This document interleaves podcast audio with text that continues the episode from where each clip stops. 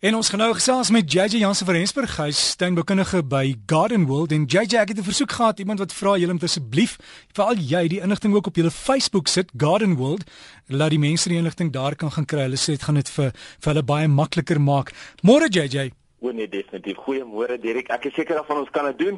Uh en ja, nee, Facebook is besig om baie lekker te groei en hy word word baie interaktief. Ek sien net al hoe meer en meer mense wat deelneem aan ons Facebookblad. So definitief vir die van die van julle wat graag na ons Facebook wil gaan kyk, gaan soek net Garden World, uh Garden World kwekery en jy sal ons daar kry. Ek dink amper 'n foto van JJ ook daarop, maar JJ vandag gesels ons oor binnehuise potplante en baie mense vermoor hulle potplante want hulle gee hulle te veel water of laat hulle droog lê en as jy hom uithaal en daar's te veel water en die water is so suur dit stink, dan weet jy totsiens plant, né? Ja nee, definitief Derek. En dis eintlik 'n groot probleem. Baie mense sal byvoorbeeld die pragtigste potplant vat en dit in 'n keramiekpot insit en dan soos hulle daai potplant nat gooi, dreineer die pot goed, maar alles dreineer in die keramiekpot in. So dan styg jou keramiekpot se watervlak en natuurlik styg jou potplant se watervlak. En as jy sê as jy hom uithaal, dan jy daai hele paprysel, daai vrot, daai suurheid wat daaronder is en dit is nie goed vir die plant nie. So mense moet baie seker maak dat as 'n mens 'n potplant in 'n keramiekpot het, laat jy hom nie te veel water gee nie en laat mens eintlik elke keer nadat jy hom nat gegooi het, laat jy daai keramiekpot weer leeg maak om seker te maak dat die plant self nie in water staan staan nie. Nou wat 'n mens dan moet doen, is 'n mens moet daai potplant vat en gaan sit hom ergens buite neer. Jy sit 'n kraan, 'n tuinslang of ietsie saam met um, by hom maak jy oop en dan gooi hom nat en dan laat jy die water deur daai grond ry neer. Deur daai suurheid daar neer laat dit eintlik kan wegwas.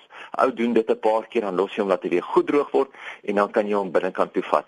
Maar ons moet ook onthou dat hierdie tyd van die jaar sak die son so laag dat baie van ons potplante wat eintlik nie gewoond is aan die son nie, ook nou baie son kry. So maak seker vir al daai potplante binne in jou huis, op jou stoepe, onder jou afdakke, maak seker dat daai plante wat wel nou meer son kry, eintlik ook 'n bietjie meer water kry, maar natuurlik moet die dreinering goed wees.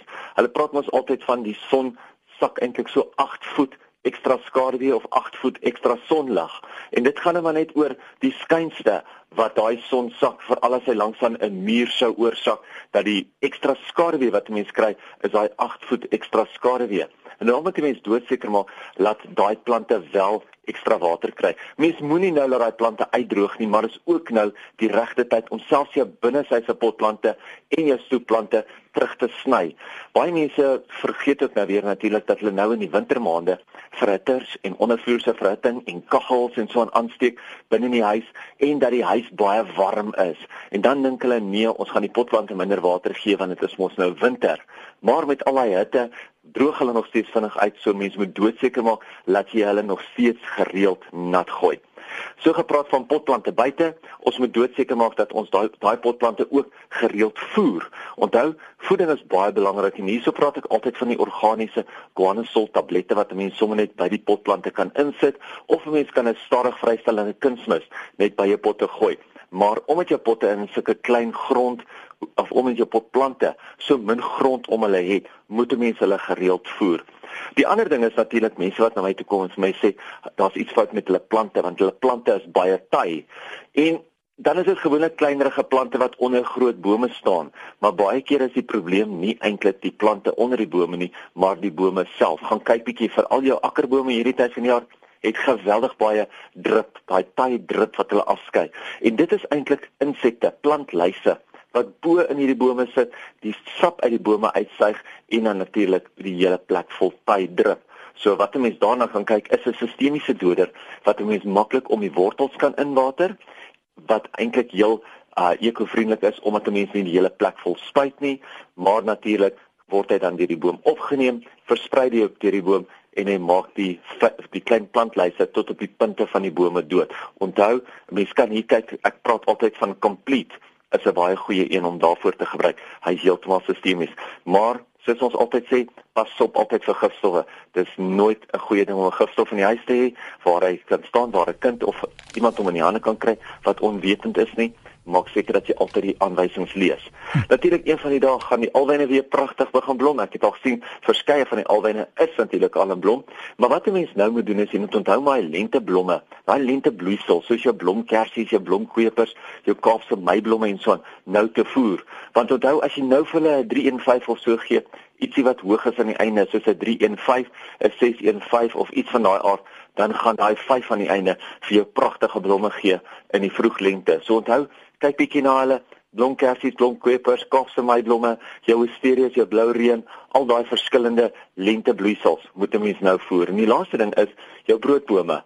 Ons moet nou onthou om jou broodbome nie meer te voer nie. Hulle wil nie nou gedurende die wintermaande gevoer word nie, maar hulle hou nog steeds van baie water.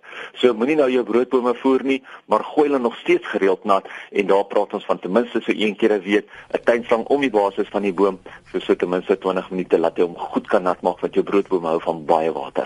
En jy sê iemand het ook gesê moet jy net vra, hulle het nou in Namakoland daisies geplant en die voeltjies het gekom en al die saaitjies wat opkom afgeëet, kan hulle nou weer saai? Hulle kan nog saai kyk dit word al laat maar ongelukkig kan mense nie na Makland se daisies van plantjies af plant nie. So hulle kan dit nog wel saai.